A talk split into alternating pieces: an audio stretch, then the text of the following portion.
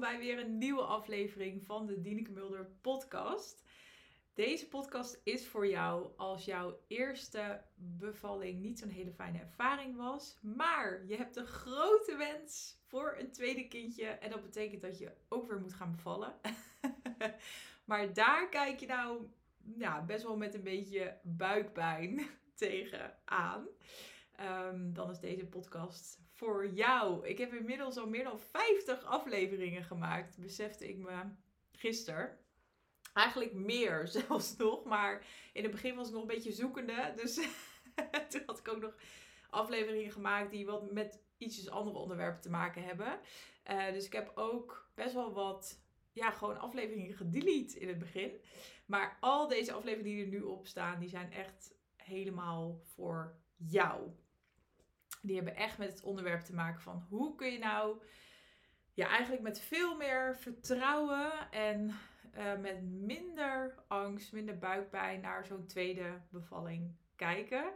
En uh, ja, daar deel ik heel veel over in mijn podcastafleveringen. En vandaag uh, um, ja, wil ik iets met je delen wat ik heb, weer heb besproken in een coaching sessie met iemand. Ik vind het best wel leuk nu dat er steeds ook nieuwe onderwerpen voor mij naar boven komen in de sessies die ik met vrouwen heb. Uh, en elke keer als ik dan zoiets heb besproken, denk ik, oh, hier moet ik een podcast over maken. Um, dus bij deze. Dus dat zal steeds vaker gaan gebeuren. En uh, ik ben daar heel blij mee. Want uh, in het begin, ja, toen had ik alleen maar dit idee om deze ja, mijn praktijk zeg maar te gaan starten. Maar uh, was er nog helemaal niemand die ik aan het coachen was. En nu zijn er een aantal vrouwen die ik mag coachen. En daar, ja, dat vind ik echt onwijs leuk om te doen. En uh, ik doe nu nog gratis pilot traject, omdat ik echt net begonnen ben. En, uh, en ook gewoon nog heel veel moet leren. En moet kijken van, oké, wat ik in mijn hoofd heb. Um, ja, helpt dat ook echt in de sessies. Um, dus het is ook voor mij ontdekken. Maar ik vind het echt, echt het aller, aller, allerleukste om te doen. Het geeft me mega veel energie. Ik doe heel veel s'avonds, omdat ik ook gewoon nog mijn andere bedrijf hiernaast heb. Um, er moet ook geld verdiend worden. Um, dus heel vaak doe ik nog s'avonds gewoon mijn coaching sessies. Elke sessie is anderhalf uur. Mijn traject duurt acht sessies, acht wekelijkse sessies. Um, dus ja, ik ben ook wel eens gewoon moe avonds. Maar ik krijg echt altijd energie um, als ik dit mag doen. Dus dat vind ik wel een goed teken. Um, en ik ben heel dankbaar dat deze vrouwen, die ik hiervoor niet kende, uh, ik heb ze ontmoet via Instagram. Heel bijzonder dat zij uh, zich zo open en kwetsbaar ja, willen opstellen en hiermee aan de slag willen. Want het traject wat ik aanbied is niet makkelijk. Het is best wel confronterend.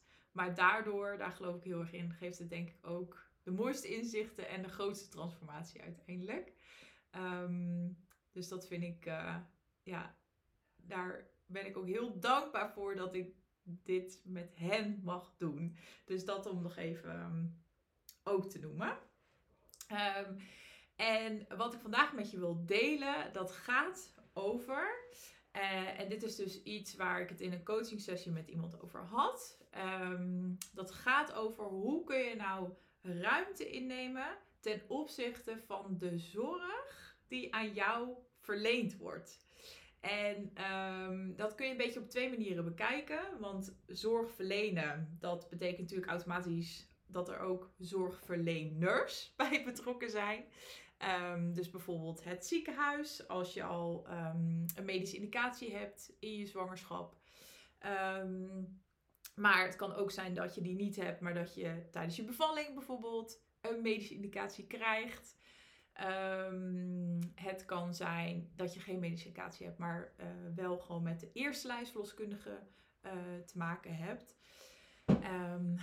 en hoe kan je daar nou in een, in een tweede zwangerschap en een tweede bevalling mee omgaan. Wat ik inmiddels heb ontdekt in alle gesprekken die ik met vrouwen tot nu toe heb gehad, ook in mijn eigen ervaring, is dat het heel vaak zo is dat wij denken dat er bijna geen ruimte is en dat we gewoon ons um, ja, hebben te voegen aan, um, of eigenlijk in wat er, wat er verwacht wordt van ons door een zorgverlener. Of überhaupt dat we gewoon hebben te volgen van het proces hoe zorg wordt verleend. Dus alle protocollen en richtlijnen en alle handelingen die daar, die daar binnenvallen, die weer van toepassing zijn op hoe jouw zwangerschap en of bevalling verloopt. En, ehm, en dat het dus daarin heel moeilijk is om de ruimte als het ware op te zoeken. En met de ruimte op te zoeken bedoel ik dus uh, te kijken van hoe het zo kan gaan dat het vooral prettig is voor jou. Dat het goed voelt voor jou. En, um, en dat, daar was ik me totaal niet bewust van. in mijn eerste zwangerschap en tijdens mijn bevalling. Maar juist door die bevallingservaring ben ik me daar veel bewuster van geworden. En uh, niet alleen maar dat je daar keuze in hebt, maar het ging eigenlijk nog een laagje dieper. Want dat was ook echt het thema eigenlijk van mijn bevallingservaring. Um, dat je altijd um, ruimte mag innemen. En uh, dat je dat ook, um, ja, dan moet ik het even duidelijk uitleggen, maar je mag het ook onvoorwaardelijk doen. Er, er, in principe zijn er geen, je hoeft niet te wachten tot je toestemming krijgt of tot je aan bepaalde voorwaarden in je hoofd voldoet om ruimte in te mogen nemen. Dus om uit te spreken wat jij graag wilt, om in te gaan tegen een protocol, om iets anders voor te stellen dan uh, wat er eigenlijk ja, de norm is of wat er van je verwacht wordt. Um, en ik vind dat super interessant. En waarom? Wat ik heb gemerkt, en uh, daar, uh, daar heb ik geen oordeel over, maar puur even mijn visie. Of wat ik merk en wat ik zie, is dat het heel vaak, als we het hierover hebben, dat het heel vaak gaat over um, wat wel of niet kan, goed of fout. Uh, en dat er heel vaak wordt verteld wat je dan wel of niet zou kunnen doen. En dat het heel best wel feitelijk uh, blijft. Dus ik zit even te kijken of ik een, of ik een um, voorbeeld heb.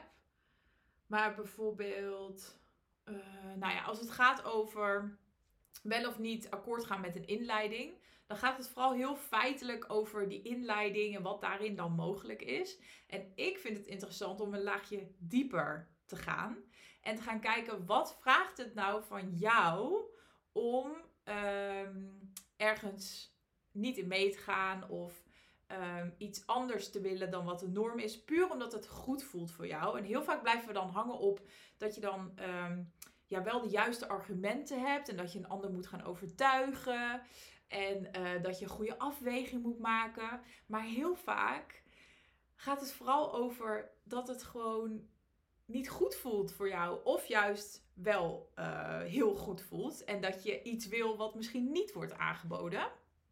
Um, en dat uh, vind ik reuze interessant. Want heel vaak denken we, en dat heeft heel veel te maken ook met mindset en hoe je over jezelf denkt. Heel vaak denken we namelijk dat um, we pas iets um, voor elkaar kunnen krijgen. Dus bijvoorbeeld bij een zorgverlener als we eerst in discussie gaan of als we eerst met, uh, als we echt bewapend met kennis, informatie uh, ten tafel komen. Dus dat we iemand anders echt moeten overtuigen. En uh, natuurlijk is dat heel fijn, hè? dat je wel het idee hebt van: oké, ik kan wel ja, redelijk goed uitleggen waarom ik dit niet wil of waarom ik iets juist wel wil. Um, maar in die end gaat het ook vooral, vind ik, in de eerste plaats over wat voelt nou goed voor jou. En in principe hoef je, niet te, hoef je een gevoel niet, uh, je hoeft jezelf niet te verantwoorden. Alleen om dat te kunnen doen, dus om daarmee ruimte in te kunnen nemen, ja, dat, um, dat vraagt heel veel van jou. En dat is vind ik een rete, rete interessant proces. Want de mate waarin jij ruimte kunt innemen, wordt heel erg bepaald door hoe jij over jezelf denkt. Dus dat gaat over patronen die je hebt gevormd vanuit je kindertijd. En het gaat over overtuigingen die jij hebt over jezelf en de wereld om je heen. Als jij bijvoorbeeld, um, let's see, even een voorbeeld.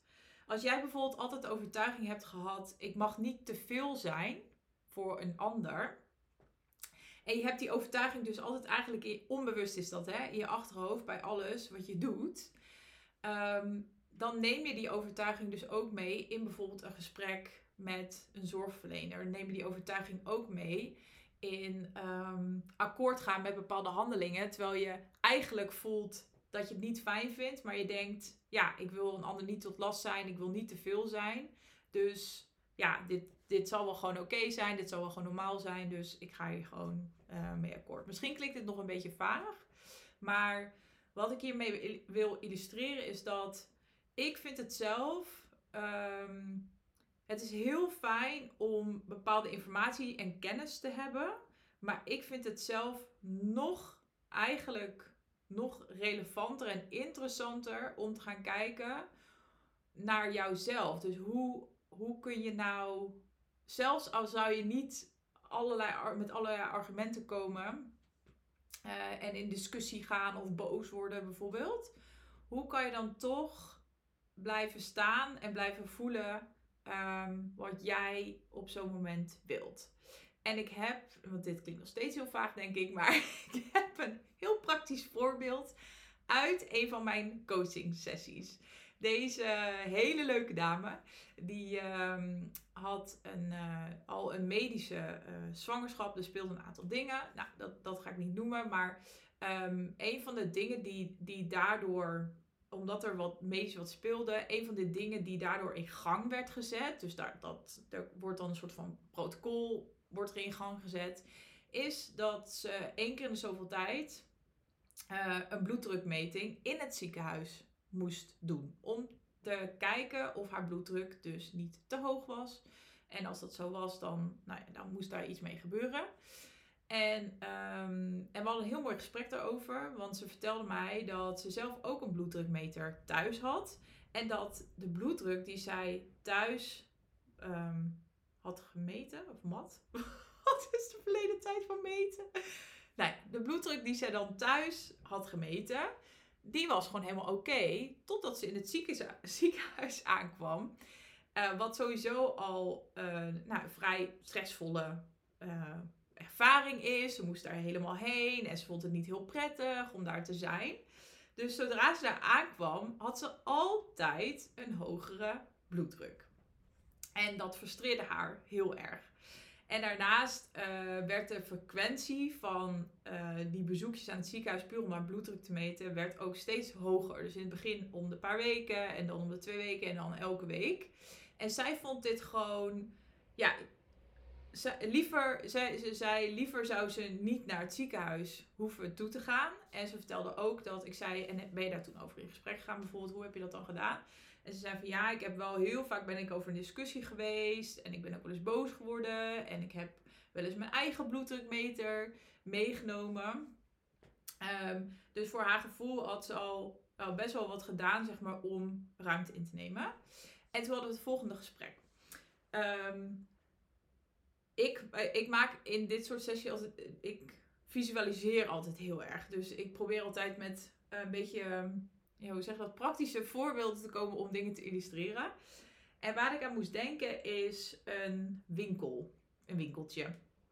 Uh, en als je het ziekenhuis ziet als een winkeltje, en het ziekenhuis biedt natuurlijk diensten aan, maar dat zou je ook kunnen zien als bepaalde producten. En een van die, die producten is die, of zijn die bloeddrukmetingen. En het interessante is, als je er op die manier naar kijkt, um, dat je dus ook kan gaan bedenken, wat zijn nou de producten die ik op basis van wat goed voelt voor mij, of wat ik prettig vind tijdens mijn zwangerschap en bevalling, wat zijn nou de producten slash diensten die ik wel wil afnemen?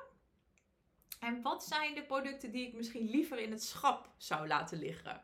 Dat is al een hele mooie oefening eigenlijk om mee te beginnen. Want daar daar zijn we heel vaak helemaal niet bewust mee bezig. Heel vaak gaan we, en dat is ook super normaal, ook bij mij gebeurd. Maar heel vaak gaan we gewoon mee in. We nemen eigenlijk alles. We nemen eigenlijk alles af wat ons aangeboden wordt. Dus we gaan helemaal mee in hoe, ehm, hoe een zorgverlener het voor ons bepaalt.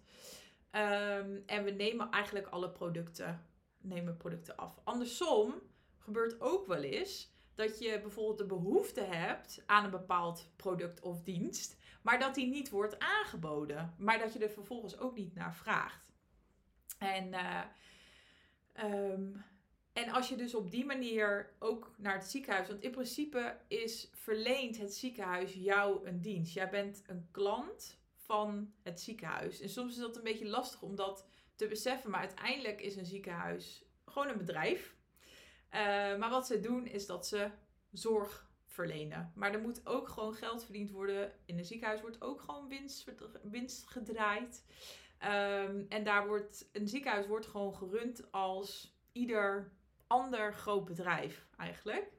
Uh, dus je zou jezelf um, ja, eigenlijk heel goed kunnen zien als een klant van dat bedrijf. En dus ook kunnen bekijken. En jij, jij betaalt dus ook voor die diensten, weliswaar heel vaak via een zorgverzekering. Maar in principe betaal je elke maand geld aan je zorgverzekering. En je zorgverzekering betaalt dat weer aan het ziekenhuis. Dus je bent wel degelijk eigenlijk een klant van het ziekenhuis. En dat betekent dus ook dat als klant dat jij zelf mag bepalen. En dat is niet makkelijk om dat ook in realiteit, um, om dat echt in praktijk zeg maar te brengen. Maar het is al een mooie start denk ik om eens een oefening te doen. Om, om eens een andere mindset eigenlijk aan te nemen. Oké, een ziekenhuis. En we hebben het nu dan even over het ziekenhuis. Maar het ziekenhuis is een, is een winkel. En als ik dan terugdenk en gebruik daar vooral je eerste bevallingservaring natuurlijk voor. Denk gewoon eens terug aan je eerste zwangerschap en je eerste bevalling. En denk eens na over welke diensten heb ik destijds allemaal afgenomen. En als ik daar nu over nadenk, welke diensten had ik eigenlijk liever in het schap willen laten liggen? Welke producten had ik eigenlijk willen laten liggen en had, daar had ik geen gebruik van willen maken? Die had ik eigenlijk niet willen kopen. Um, dat is interessant om dat eens voor jezelf um, op te schrijven misschien wel. En denk er ook eens over na. Wat zijn nou diensten slash producten die ik eigenlijk achteraf gezien heel graag had willen afnemen, maar die me niet zijn aangeboden. En misschien om een uh, voorbeeld te geven. Ja, dit is, wel, uh, dit is wel gelijk een heel heftig voorbeeld. maar dit was wel het eerste wat in mijn hoofd omhoog schoot. Toen ik daarover na zat te denken over wat betreft mijn eigen ervaringen. En als ik dan dat met het winkeltje eigenlijk zou vergelijken. Maar uh, mijn bevalling heeft heel lang geduurd, 48 uur. En op een gegeven moment was ik echt compleet uitgeput. Ik kon niet meer. Uh, ik had wel een ruggenprik gekregen, uh, daar had ik om gevraagd, maar die zat niet goed. Het ging allemaal, het ging allemaal helemaal verkeerd. Ik was heel moe, ik moest heel veel overgeven, ik begon te hallucineren. Ik viel bijna ja, telkens in slaap tijdens de persfase. Ben ik echt eigenlijk telkens een soort van oud geweest. Um, maar op een gegeven moment weet ik nog dat er door uh, de, volgens mij de gynaecoloog en de klinische verloskundige wel steeds werd gepraat. En dat hoorde ik dan ook over wel of niet een keizersnede. En dat ik daar ook om heb gevraagd zelfs. Maar dat er werd gezegd nee, want medisch gezien gaat het, heel, gaat het goed met jou. Er werd niet aan mij gevraagd hoe het echt met me ging, maar los daarvan. Op alle monitoren en zo ging het goed met mij. En uh, ja, ik was, ik was er gewoon nog bij.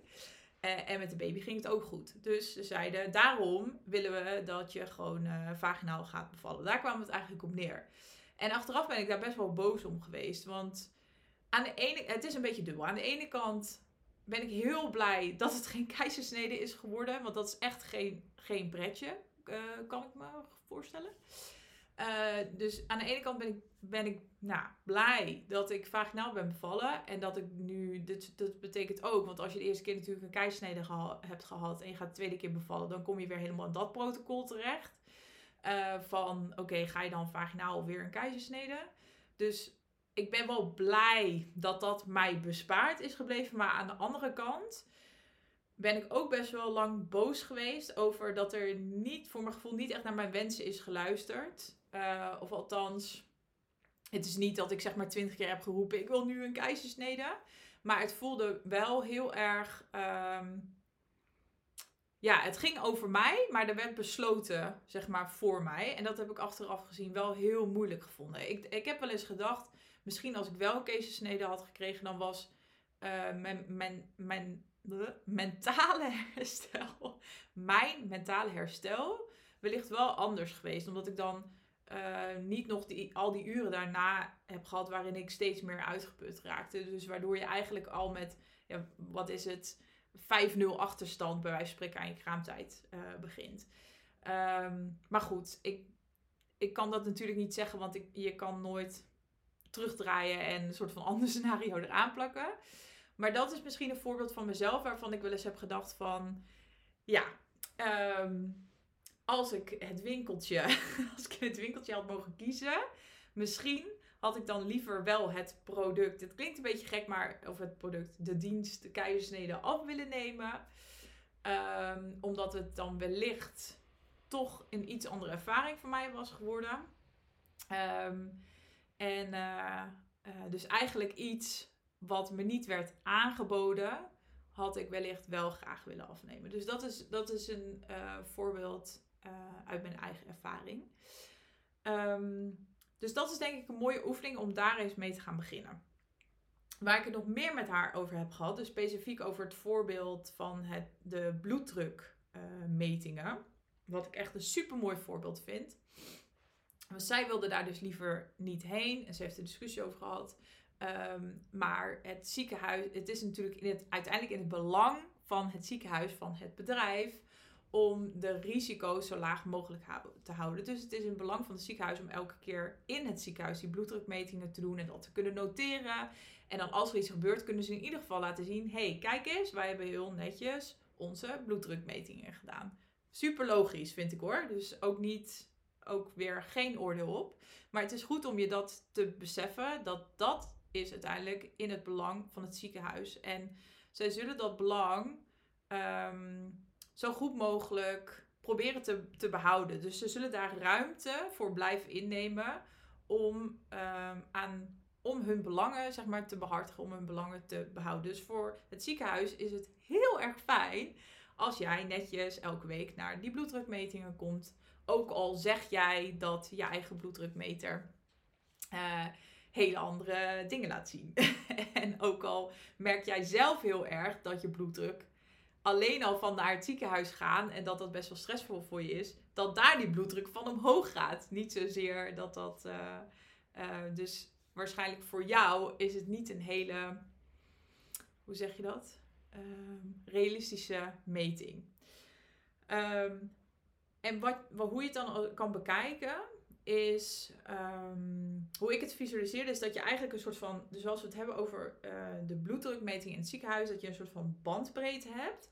Aan de ene kant van die bandbreedte zit de norm. Dus wat de meeste, hoe de meeste mensen uh, met een bepaalde aangeboden dienst omgaan. En in dit geval, in het voorbeeld, is de dienst de bloeddrukmetingen. Nou, de norm, dus het overgrote deel van de, van de vrouwen, zal gewoon um, nou ja, netjes, en daar is ook niks mis mee, hè? netjes naar het ziekenhuis gaan om elke week die bloeddrukmetingen te laten doen, zodat het bijgehouden kan worden. Dat is de norm, dus wat de meeste mensen normaal vinden, wat de meeste mensen doen. En met normaal vinden bedoel ik ook dat, stel jij zou tegen iemand, bijvoorbeeld in je familie, zeggen, nou, ik vind die bloeddrukmeting niet zo fijn om te doen, dan zullen de meeste mensen in je omgeving tegen je zeggen, nou, maar dat is wel uh, ik denk dat het wel belangrijk is dat je dat doet, want het is veilig en het ziekenhuis weten wat ze doen, bla bla bla. Dus dat, dat is wat ik bedoel met de norm. Dat is ook wat de meeste mensen doen, maar ook wat de meeste mensen ervaren en tegen je zullen zeggen. Aan de andere kant van die bandbreedte heb je de, um, heb je de uitzonderingen. En, en ik zou. Um, ik zou dan de andere kant, ik noemde het um, toen ik het uh, ik stuurde altijd de samenvatting na een sessie en toen noemde ik het de radicale uitzondering. Ja, dat is een goede. Dus de andere kant van de bandbreedte, dus hier heb je de norm. De andere kant van de bandbreedte zit, zitten de mensen die voor de radicale uitzondering gaan. En daarmee bedoel ik dus dat je zou besluiten bijvoorbeeld... Uh, Oké, het ziekenhuis wil graag die bloeddrukmetingen doen. Ik vind dat niet prettig, om de een of andere reden. Voor mij voelt het niet goed. Uh, dus ik kies ervoor om helemaal geen bloeddrukmetingen te doen. Dus niet in het ziekenhuis, maar ook niet zelf, want ik voel me goed, ik vind het niet nodig. Dat is eigenlijk de radicale uitzondering. Die mensen heb je ook. Ehm, ook een mooi voorbeeld is denk ik, ehm, als je zeg maar, ehm, eh, zeg maar in zijn algemeenheid qua bevallen, de norm is dat de meeste vrouwen met een verloskundige uh, bevallen. En dan ook nog eens het overgrote deel tegenwoordig van de vrouwen bevalt in het ziekenhuis, medisch of polyklinisch. En de radicale uitzondering van bevallen is dat je een freebird uh, eigenlijk gaat doen. Dus dat er misschien alleen je partner bij is. Dus dat er helemaal geen zorgverzekering, uh, wil ik zeggen, nee, zorgverlener bij is. Um, dus dat eh, om een beetje die bandbreedte te illustreren. Alright, maar terug naar het voorbeeld. Dus wat betreft de bloeddrukmetingen. Dus je hebt de radicale uitzondering. Dus de mensen die besluiten om helemaal geen bloeddrukmetingen te doen, helemaal niks. En de norm. Dus de mensen die gewoon uh, nou, elke week netjes naar het ziekenhuis gaan en die bloeddrukmetingen laten doen. Maar hier tussenin, je ziet het al, hij is vrij groot. Er is een heel groot grijs gebied waarin je letterlijk, je ziet het al, um, je ziet al als je deze podcast ook met video kijkt, uh, maar waarin je letterlijk ruimte, je ziet letterlijk ruimte kan opzoeken. Dus kan gaan kijken en dat kun je doen voordat je überhaupt met een ziekenhuis of met een zorgverlener in gesprek gaat. Maar ga eerst eens zelf kijken van. En probeer dan los te laten van wat je denkt dat het ziekenhuis ervan zou vinden. Of wat je omgeving zou vinden. Ga puur eens naar jezelf kijken. Waar zou ik me het beste voelen op, in deze ruimte? Dus op deze bandbreedte. Wil ik. Uh, en er is geen goed of fout. Het gaat vooral over wat goed voelt voor jou. Dus als het goed voelt voor jou om, um, om gewoon die bloeddrukmeting in het ziekenhuis te doen, omdat je dat gewoon prettig vindt. Je vindt het, vindt het oké om naar het ziekenhuis te gaan. Je vindt het een fijn idee dat, dat ze alles bijhouden. Dan is dat helemaal goed, want het voelt goed voor jou. Maar het kan ook zijn dat je meer richting de, nou ja, de radicale uitzondering gaat. Um, en dat je zoiets hebt van: ik vind het wel belangrijk dat mijn bloeddruk gemeten wordt, maar ik vind het niet fijn om, dat, om daar elke keer voor naar het ziekenhuis te moeten. Helemaal omdat ik merk dat mijn bloeddruk hoger wordt gemeten zodra ik in het ziekenhuis kom. Dus misschien is het voor jou wel veel fijner om met je eigen bloeddrukmeter thuis je bloeddruk te meten. En dan zou je ook nog kunnen kijken van oké, ga ik dan die metingen, ga je die metingen steeds doorgeven aan het ziekenhuis? Uh, of is er misschien een bloeddrukmeter van het ziekenhuis die je dan mee naar huis kan krijgen, zodat het automatisch wordt doorgegeven? Zie je er dus, dus heel veel ruimte tussen. Um, of zeg je, ga je iets meer richting, uh, welke was het nou? Ja, de radicale uitzondering. Als in, ik ga helemaal zelf mijn bloeddruk meten. Ik geef de metingen niet door aan het ziekenhuis. Ik trek alleen aan de bel als mijn bloeddruk te hoog is. Dat kan ook. Dus dan ga je iets meer richting. Terwijl misschien is er wel een mogelijkheid ook om een uh, bloeddrukmeter van het ziekenhuis te krijgen. En dan ga je dus meer iets. Uh, zit ik nou goed? Ja. ik zie alles in spiegelbeeld. Dan ga je dus eer, weer iets richting de norm. Dus daarin is heel veel ruimte. Maar heel vaak um, zijn we ons er totaal niet, van, ja, totaal niet bewust van. Heel vaak zitten we, nou ja, de meeste mensen zitten richting de norm en denken dat dat de enige mogelijkheid is. Terwijl ze misschien wel super gefrustreerd zijn over hoe bepaalde dingen gaan. En soms zijn er mensen die helemaal dus bij die radicale uitzondering zitten. En dus eigenlijk helemaal de andere kant op, um, ja, op opslaan als het ware. Terwijl er misschien ook wel andere mogelijkheden zitten. Uh, waarbij je wel gewoon um, je bloeddruk zeg maar kan uh, bijhouden. Maar dus niet elke week naar het ziekenhuis um, hoeft. En uiteindelijk wat belangrijk is om je daarin te beseffen, is dat. Nou, uitzondering daar gelaten, maar um, dat niemand jou dit gaat aanbieden. Omdat het uiteindelijk in heel veel gevallen, en nogmaals uitzondering daar gelaten, maar in heel veel gevallen willen zorgverleners um, uh, dus hun eigen belangen behouden en zo min mogelijk uh, risico. Dus risicovermindering.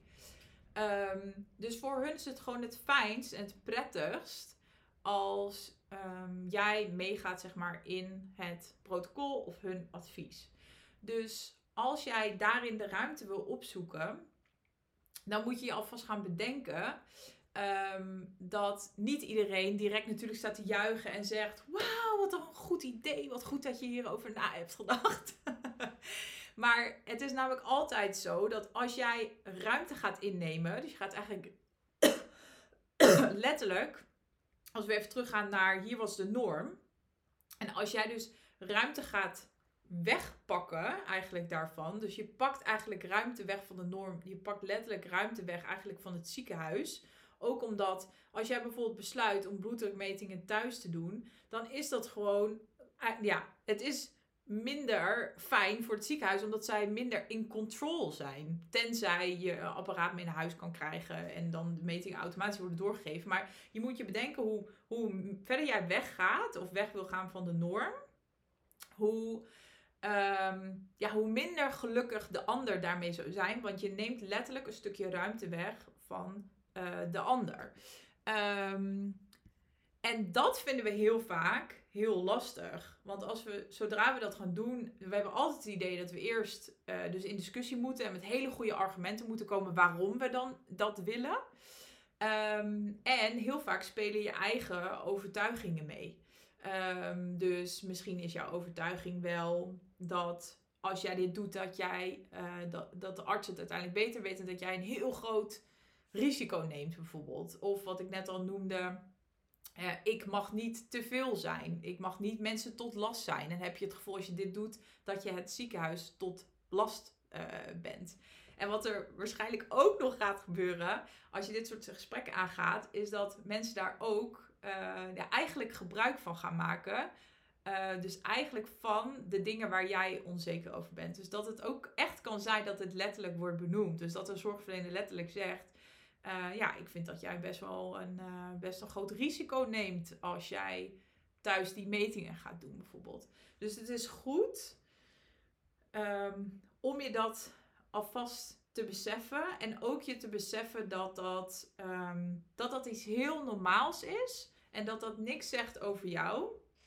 En dat dat niet betekent, nogmaals, als jij ruimte daarin wil innemen, dan hoef je daar uiteindelijk je mag die ruimte innemen, ook als de ander daar geen akkoord voor geeft. Ook als de ander daar geen toestemming voor geeft. Ook als de ander daar een heel ander idee over heeft. Want uiteindelijk gaat het om jou. Het gaat erom wat goed voelt uh, voor jou. En misschien denk je nu, nou, dat klinkt wel heel egoïstisch. maar dat is niet, dat is ook een overtuiging trouwens. Um, maar dat is uiteindelijk niet um, wat dit is. Dit is uiteindelijk um, kiezen voor jezelf, maar vooral kiezen voor een fijne ervaring dat jij zeg maar gewoon fijn je zwangerschap door kan komen. En, en kiezen voor, oké, wat werkt voor mij om gewoon me goed te voelen, om ontspannen te zijn, om in control, ja, zeg maar in control, in regie, in, regie, dus een gevoel van regie te hebben. Um, en daar zelf de verantwoordelijkheid uh, voor te nemen. En weet dus dat ook als je, alle, als je niet alle argumenten klaar hebt, maar je hebt gewoon het gevoel van, ja, ik vind het gewoon echt niet fijn. Het voelt gewoon niet goed om elke week daar op en neer te zijn. Dat is ook, dat is ook al goed genoeg om die ruimte te mogen innemen. Alright. Nou, ik ga hem even afronden, want anders wordt hij heel lang. Maar ik hoop dat jij hier iets aan hebt gehad. En um, ja, ik ben heel benieuwd hoe het is om dit eigenlijk ja, dus te gaan toepassen op je eerste bevalling, maar ook um, om hierover na te denken met betrekking tot je tweede bevalling en bepaalde situaties waar, je misschien wel weer in terecht zou komen. Heel benieuwd of dit, uh, of dit helpt. Laat het me weten. Ik vind het heel leuk om reacties te krijgen. En vind je het nou fijn uh, dat ik een keer met je meedenk? Zijn er bepaalde um, dingen dus die je heel lastig hebt gevonden uh, in relatie bijvoorbeeld tot het ziekenhuis, tot zorgverleners in je eerste bevalling, waardoor je best wel tegenop ziet om weer in zo'n situatie terecht te komen? Ik vind het heel fijn om met je mee te denken. En um, ja, schroom vooral niet om, um, om mij een DM'tje te sturen, bijvoorbeeld via Instagram. Of je kan ook rechtstreeks gewoon een gratis gesprek, helemaal vrijblijvend, uh, met mij inplannen via de link in uh, bio. En dan kan ik gewoon kijken. En kan ik even met je meedenken, je een aantal tips geven. En uh, kijken of ik je misschien wat verder op weg kan helpen. Dus uh, let me know. Dank voor het luisteren en tot de volgende.